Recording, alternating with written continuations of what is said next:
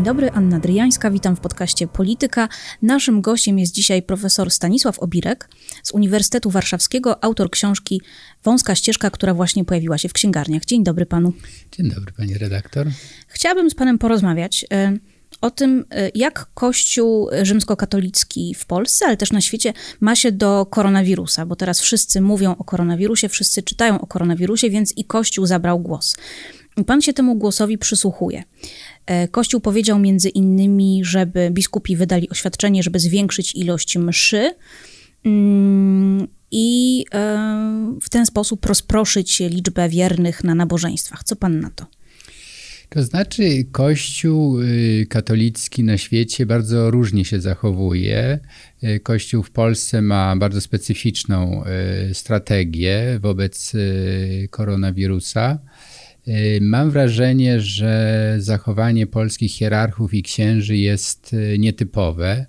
Odstaje. W jakim sensie? No, na przykład episkopaty Europy Zachodniej, zwłaszcza Włoch, ograniczyły ilość E, sakramentaliów, jak to się technicznie mówi, czyli nie tylko mszy świętej, ale w ogóle jakieś pogrzeby, chrzty, no w ogóle to, co organizuje życie katolików. Biskupi od środy popielcowej, pamiętam, to się zaczęło, żeby jak najmniej organizować wiernych w kościołach. Te kościoły, przed chwilą rozmawiałem z moim kolegą jezuitą, który pracuje od wielu lat w Watykanie, to mi powiedział, że Mm, Bazylika Świętego Piotra jest zamknięta, Plac Świętego Piotra jest zamknięty. Krótko mówiąc, jest to typowo racjonalna reakcja wobec epidemii, która jest y, roznoszona przez kontakt międzyludzki i każdy rozsądny człowiek, y, jeśli ma na to wpływ, jak na przykład nasz y, rektor od wczoraj zalecił nam, no nie zalecił, po prostu wprowadził zarządzenie, że nie ma zajęć aż do 10 kwietnia. Więc Kościół na Zachodzie zachowuje się mniej więcej tak, jak rozsądek podpowiada, czyli ogranicza do minimum możliwości zakażenia. No w tym kontekście Kościół Polski, mm, wspierany zresztą całą armią publicystów y, prawicowych i mieniących się katolikami, że e, ten rodzaj zachowań świadczy o utracie wiary, o odchodzeniu. O zdradzie Jezusa, nawet takie zdradzie. oskarżenia padły.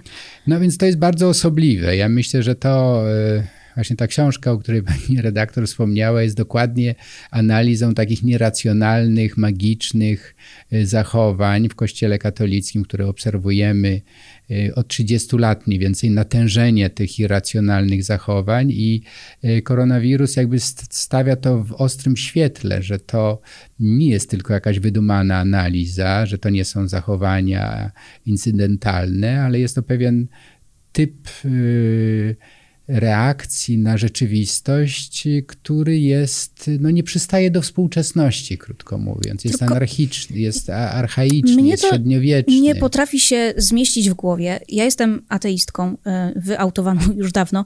E, pan był e, przez długie lata w kościele, pan był księdzem. Mm, nie potrafię tego pogodzić w swoim umyśle. Jak to jest, że tacy biskupi korzystają ze wszystkich osiągnięć medycyny, nawet najbardziej nowoczesnych, a przychodzi co do czego, przychodzi do takiego koronawirusa e, i wtedy słyszymy, że tak naprawdę e, nie ma co tutaj zawieszać mszy, nie ma co jakichś szczególnych środków wprowadzać, bo przecież najważniejsze jest to, żeby rozdać komunię. No, wie pani, ja staram się, choć przychodzi mi to z ogromnym trudem, dostrzec jakieś szczątkowe elementy racjonalnego myślenia, na przykład w, w zarządzeniu arcybiskupa Gondeckiego, który motywu, motywuje te zwiększenie ilości mszy tym, że ben, jak będzie więcej, to może będzie mniej ludzi przychodzić y, na określoną mszę, bo będą mieli więcej takich możliwości.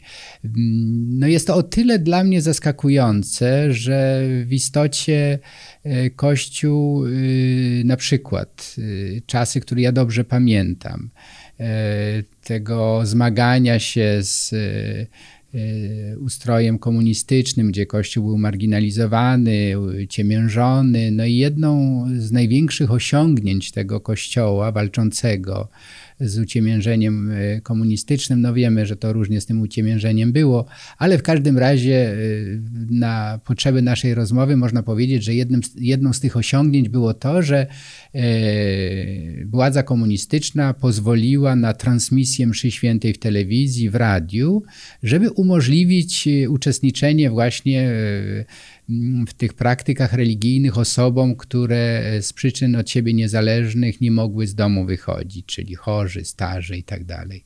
No dzisiaj mamy dokładnie taką sytuację, że właściwie każdy z nas, y, jeśli y, jest rozsądny, no to powinien ograniczyć do minimum swoje wychodzenie do kościoła. I o ile ja e, się orientuję, a byłem rzeczywiście w tym kościelnym biznesie dość długo, prawie przez 30 lat, jako członek zakonu jezuitów, no to y, mam wrażenie, że najważniejszy kontakt z Bogiem to jest ja i Bóg. I Bóg przekracza e, e, mury świątyń, przekracza wszystko. No więc... Czyli chce pan powiedzieć, że jeżeli ktoś jest katolikiem, to może się też pomodlić w swoim domu. I ta modlitwa będzie tak samo silna i będzie się tak samo liczyć jak gdzie indziej. No ja... Jak w świątyni. Tuszę, że to nawet jest ważniejsze, bo to jest rzeczywiście z potrzeby serca.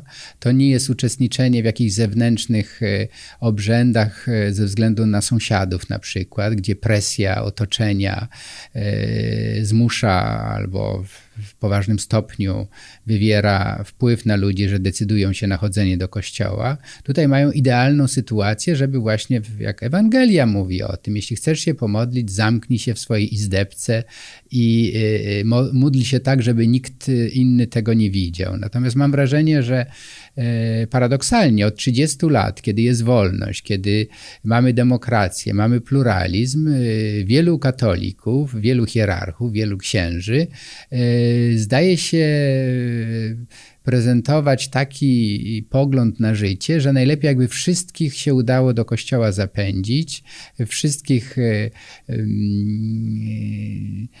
no, zmusić do wyznawania jednego, jedynego e, słusznego światopoglądu. I, I to jest w moim odczuciu, to jest wbrew Ewangelii, to jest wbrew e, nauczaniu Jezusa Chrystusa. No tak, ale tu już zboczyliśmy trochę w teologię i Mm, o ile jestem w stanie zrozumieć, choć nie zaakceptować te próby wtłoczenia wszystkich e, w jeden kościół, jedną religię, mm, jedno wyznanie, o tyle w czasie koronawirusa mam takie przynajmniej poczucie, że powinna się jakaś taka lampka zapalić biskupom. To znaczy, czy chcemy być odpowiedzialni za rozprzestrzenianie się epidemii w sytuacji, gdy na przykład słychać o, o tym, co się stało w Stanach, gdy jeden ksiądz zakaził 500 osób i teraz wszyscy są w kwarantannie. No to. Czy oni się nie boją tego? W Korei zdaje się jakaś sekta wyjątkowo. Yy, nierozsądna była. E, Chrześcijańska, ale nie katolicka. Tak, jednym z głównych rozsadników również e, koronawirusa, dlatego że no, uznali, że e, modlitwa jest potężniejsza niż, niż niebezpieczeństwo zarażenia. No ja lubię myśleć o dzisiejszym świecie jednak w pewnej perspektywie historycznej, bo to jest jakby mój zawód. Jestem historykiem również i pamiętam opisy bardzo podobnych, o wiele tragiczniejszych, największych y, y, epidemii dżumy, cholery w Europie y, średniowiecznej i wtedy z zapisów wynika, że szukano na siłę kozła ofiarnego. I tym kozłem ofiarnym okazali się Żydzi, dlatego że po pierwsze byli inni, nie byli chrześcijanami, byli zawsze postrzegani jako ówczesna teologia, zresztą sprzyjała temu, byli nienawidzeni przez chrześcijan jako, tych, e, jako ta grupa, która nie uznała Jezusa, a poza tym ich e, rytuały znane z Ewangelii chociażby bardzo często były rytuałami higienicznymi mycie rąk przed jedzeniem, po jedzeniu, y, wychodzenie z domu, przychodzenie z domu. To wszystko było połączone z obmywaniem, y, z myciem się po prostu. Czyli tu wtrącę to, co należy robić w związku z koronawirusem, myć ręce y, co najmniej 8 razy dziennie. No i to, to mi, ta analogia pozwala mi przejść do, stanu, do, do obecnej sytuacji. To znaczy wtedy yy, głupota, brak wiedzy, nieznajomość prostego faktu, że choroby były przenoszone przez kontakt zwierząt czy ludzi, co to się dzisiaj dzieje.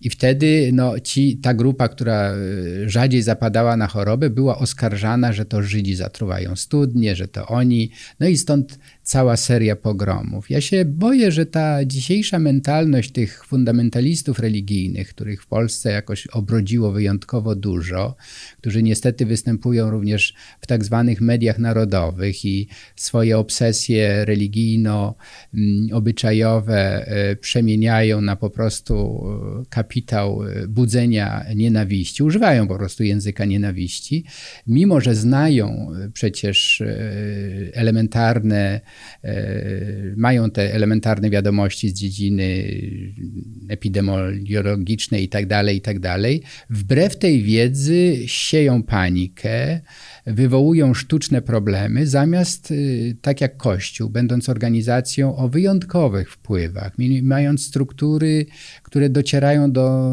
najmniejszego zakątka Polski, mogliby to wykorzystać. Dysponują podobnie jak portal na temat, wspaniałymi e, środkami technicznymi. No to się ociepliło nagle, ale A... e, myślę, że Kościół jednak ma trochę większe środki niż my mamy. Ale co, co taki Kościół mógłby zrobić w Polsce, instytucjonalny, w związku z koronawirusem? W no takich idealnych warunkach według robić pana? to samo, co my z panią redaktor robimy, czyli rozmawia, ro, rozmawiać w sposób racjonalny. Uświadamiać uświadamiać, zmniejszać lęki społeczne, bo to nie jest jakaś irracjonalna kara za homoseksualizm, jak jeden z księży wymyślił chyba gdzieś we Wrocławiu, albo y, mogę sobie dobrze wyobrazić, że, że takich mędrców jak ten ksiądz jest więcej, będą zaraz y, polowania na LGBT, bo przecież już mamy strefy wolne od LGBT. Ale tu koronawirus chyba nie wybiera, prawda? To znaczy, to nie może być tak jak z tą poprzednią epidemią, o której pan mówi, że Żydzi z powodu większej higieny zapadali rzadziej na, na tę chorobę. No, pani, Osoby LGBT też będą zapadać na koronawirusa, niestety. Wie pani, to nie jest nawet tak, że y, trzeba koniecznie y, znaleźć y, konkretną grupę. Ta grupa, czy te grupy już są stygmatyzowane i, i bardzo łatwo z takiego myślenia o innych jako E, innych po prostu, bardzo łatwo przejść do innych jako zagrożenia. Przecież to, co Kościół robi, niestety, i tu wracam do Pani pytania o to, co może zrobić, na przykład e, nie być sojusznikiem grup ekstremalnych, nacjonalistycznych, faszyzujących. No, to jest taki program minimum, a ja pytam o taki program optymalny, to znaczy, co Kościół, gdyby chciał, mógłby zrobić, żeby zapobiec, może nie zapobiec, ograniczyć rozprzestrzenianie rozprzestrzenianie się koronawirusa?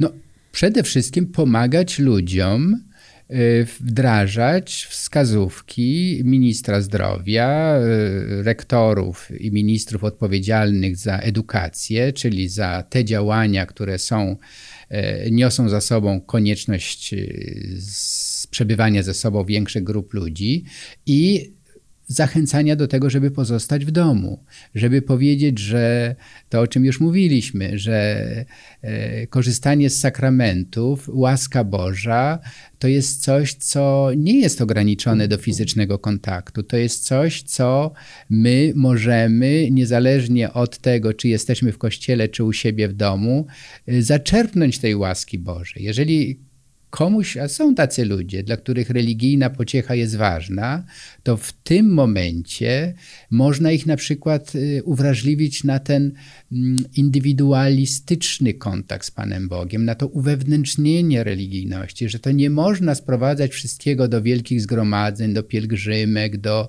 masowych jakichś e, uroczystości, tylko że Bóg przemawia do każdego w jego sumieniu. Także to jest pewien moment, do wykorzystania również y, mm, w takim pogłębieniu y, religijności społeczeństwa polskiego, które no wszystkiemu, wszystkie y, wady można mu przypisać, ale chyba nie to, że ma bardzo pogłębioną religijność. Czy widzi pan w episkopacie jakąś, jakieś takie przyczółki takiego racjonalizmu połączonego z tym, o czym pan mówił, czyli pogłębianiem tej indywidualnej religijności, duchowości? No chciałbym widzieć. To jest moje głębokie życzenie, które niestety od kilkunastu lat y, napotyka na mur niezrozumienia.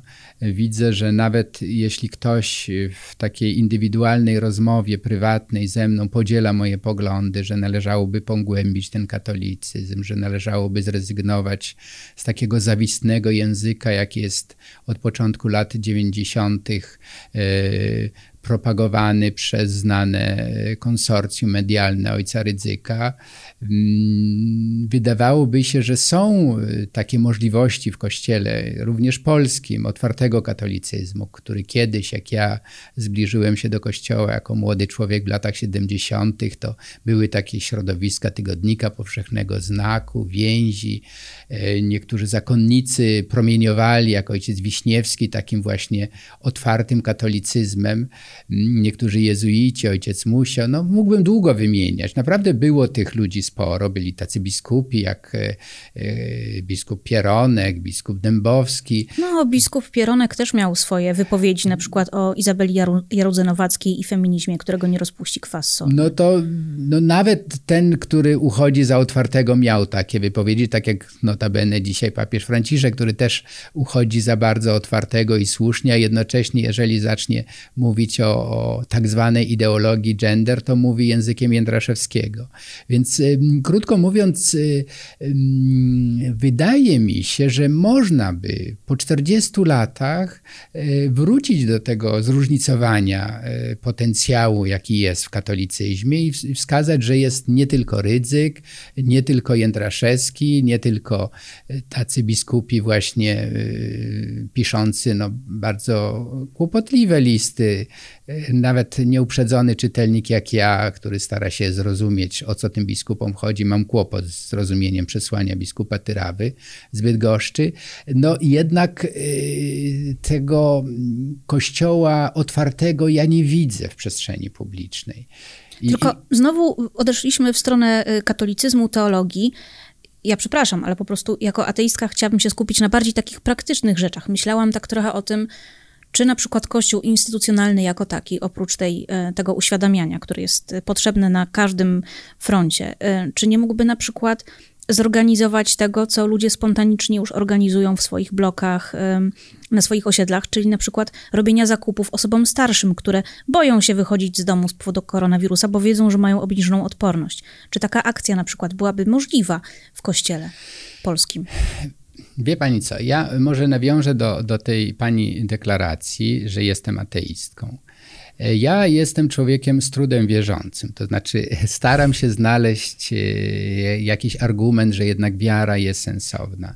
I muszę powiedzieć, że w ostatnich latach e, takim argumentem, który zachęca mnie do tego, żeby trwać w wierze i jednocześnie być bardzo otwartym na osoby niewierzące, na ateistów, jest zdanie generała jezuitów, no ciągle tych jezuitów jednak czytam. A jednak. Tak, który powiedział, że podziały dzisiaj przebiegają nie między wierzącymi i niewierzącymi, ale między ludźmi moralnymi, wrażliwymi etycznie i niemoralnymi. I mi się wydaje, że to jest bardzo ciekawy moment, żeby na przykład i ateiści, i ludzie wierzący powiedzieli: My, jako ludzie, mamy więcej rzeczy wspólnych. To znaczy, mamy na przykład wrażliwość na ludzi cierpiących, na uchodźców, na prześladowane mniejszości narodowe, czy, czy, czy, czy religijne, czy seksualne, wszelkie. Starajmy się zmobilizować naszą wrażliwość do, do konkretnych zachowań, takie jak pani mówi. No ale one nadal potrzebują pewnej infrastruktury, organizacji no i tak i dalej. Kościół jako ta instytucja z istoty swojej, przecież Kościół, jak głoszą jego dokumenty i sami ludzie, no przede wszystkim jest powołany do tego, żeby pomagać, y, zwłaszcza ludziom potrzebującym. To jest dobra okazja, żeby nie tylko pomagać, czego w dużym stopniu nie robi, ale żeby skorzystać również z wrażliwości ludzi, którzy są daleko od Kościoła, którzy z różnych powodów z tego Kościoła odeszli. Jest moment dobry, mamy takiego papieża Franciszka, mamy takiego generała jezuitów, którzy mówią, kochani, Więcej nas łączy niż dzieli. Róbmy wspólnie rzeczy, które zmienią ten świat. Ja bym tutaj włączył też y, inne grupy religijne, buddystów, Żydów, y, muzułmanów. Przecież każda z religii, a również humanizm świecki ma wpisaną tę wrażliwość etyczną. I jednocześnie w tych wszystkich religiach, również w ateizmie, są ludzi, ludzie niemoralni, nieetyczni. No i wtedy to nam ułatwia, żebyśmy nie mówili tylko przez etykiety, tylko żebyśmy mówili przez konkretnie, konkretne zachowania. I tutaj Odwołam się do tekstu chyba bliskiego wszystkim wierzącym i niewierzącym, jak sądzę, mianowicie rozdziału 25 Ewangelii Świętego Mateusza, gdzie jest mm, mowa... Nie będę udawać, że wiem, o który chodzi. Chodzi o sąd, sąd ostateczny. I Jezus mówi, że dwie grupy są bardzo zaskoczone. Te, które idą do nieba i te, które idą na wieczne potępienie. Dlaczego? Ci, którzy są zaskoczeni, że nie są zbawieni, mówią, ależ panie, mówiliśmy ciągle, panie, panie. Y, byliśmy bardzo wierzący, praktykowaliśmy, biegaliśmy co tydzień albo i częściej do kościoła i jak to? Nie będziemy zbawieni? A drudzy mówili, przecież mnie w ogóle religia nie interesowała. Ja nigdy z żadnym Bogiem nie chciałam, nie chciałem mieć nic wspólnego i ja mam być zbawiony? I wtedy jest odpowiedź i jednym, i drugim. Cokolwiek zrobiliście jednemu z tych najmniejszych, mnieście uczynili. Czyli krótko mówiąc, będziemy sądzeni i wierzący, i niewierzący, jeżeli sąd w ogóle będzie taki. Ale wyobraźmy sobie, że coś takiego jest właśnie z tego, co zrobiliśmy w sytuacji potrzeby. A sądzę, że moment, o jakim rozmawiamy, czyli zagrożenie epidemią, bo ciągle jeszcze w Polsce mówimy o zagrożeniu. To nie jest stan. Mamy dwadzieścia parę przypadków. Tak, no ale w porównaniu z Włochami czy z innymi krajami to jest mało. Ale ta sytuacja psychicznie różnie jest odbierana. Może być panika, mogą ludzie bardzo histerycznie reagować. Możemy się zmobilizować wspólnie, odwołując się do wartości nam bliskich, ale przekaz konkretny, działania, co mamy robić, wtedy taki potrzebujący, starsza osoba, która y, nie może sama wyjść na przykład po zakupy, nie będzie mnie pytała, czy ja jestem wierzący, ani pani, czy pani jest niewierząca, tylko będzie szczęśliwa, że, że coś dla niej Więc w tym sensie bym powiedział, ludzie, łączcie się niezależnie od waszej przynależności konfesyjnej czy innej, bo trzeba rozwiązać konkretny problem. Czyli niech tym wspólnym mianownikiem będzie człowieczeństwo i nie szukajmy kozła ofiarnego. I wrażliwość na e, potrzebującego. Poch pochylajmy się nad ludźmi potrzebującymi. Nie szukajmy kozła ofiarnego, nie stygmatyzujmy tych, jak na przykład y, to robią niektórzy prawicowi y, publicyści, którzy mówią, że Włosi stracili wiarę albo zdradzili Jezusa To znaczy, wręcz. że włoscy biskupi to ateiści, bo zawiesili mszę i to znaczy, że nie wierzą w Boga. Taki jest przekaz, który płynie z no, TVP. Wie pani, to jest też nie tylko z TVP, ale również są księża pracujący na Zachodzie i, i, i opowiadają i piszą właśnie do tych y, rozentuzjazmowanych wielbicieli w Polsce, że oni, jak Bóg przykazał dają komunię na język, a nie w sposób e, bezbożny na rękę, że oni będą odprawiać mszę świętą, mimo że tam biskupi mówią to czy tamto.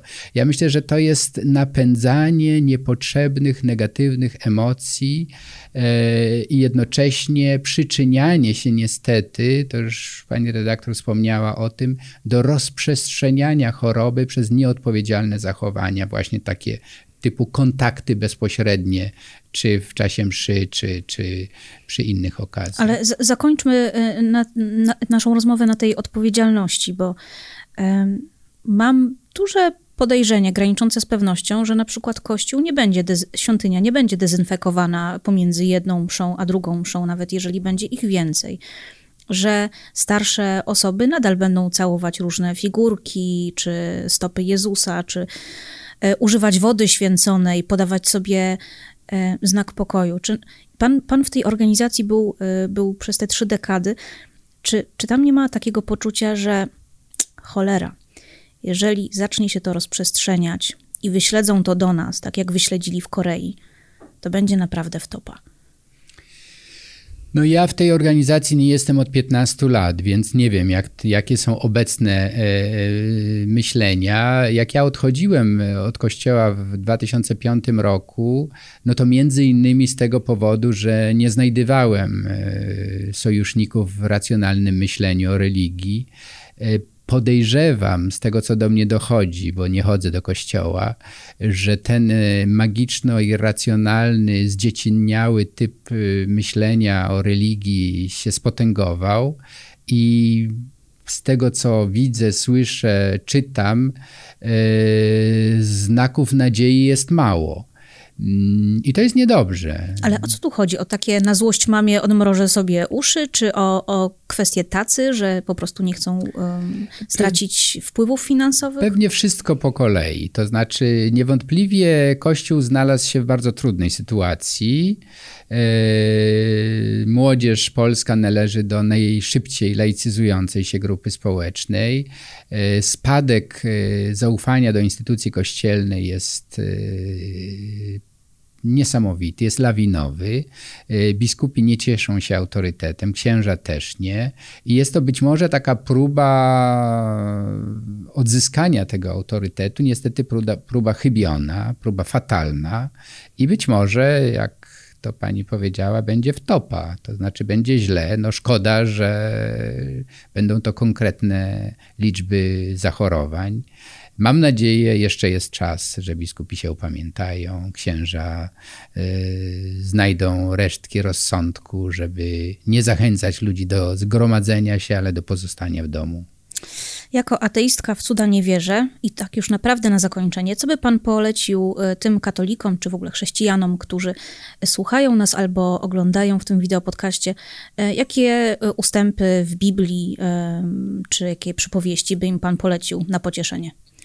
Czasie no, koronawirusa. Ten, ten, wspomniany sąd ostateczny to jest dla mnie bardzo optymistyczna, wbrew ikonografii. No tak właśnie nieintuicyjnie to jest optymistyczne. Ale to jest, to jest wbrew intuicji. To znaczy tak naprawdę wszystko, co robimy zostanie zapamiętane. To jest bardzo optymistyczne, zwłaszcza dla ludzi, którzy no, spalają się w, w służbie dla ludzi.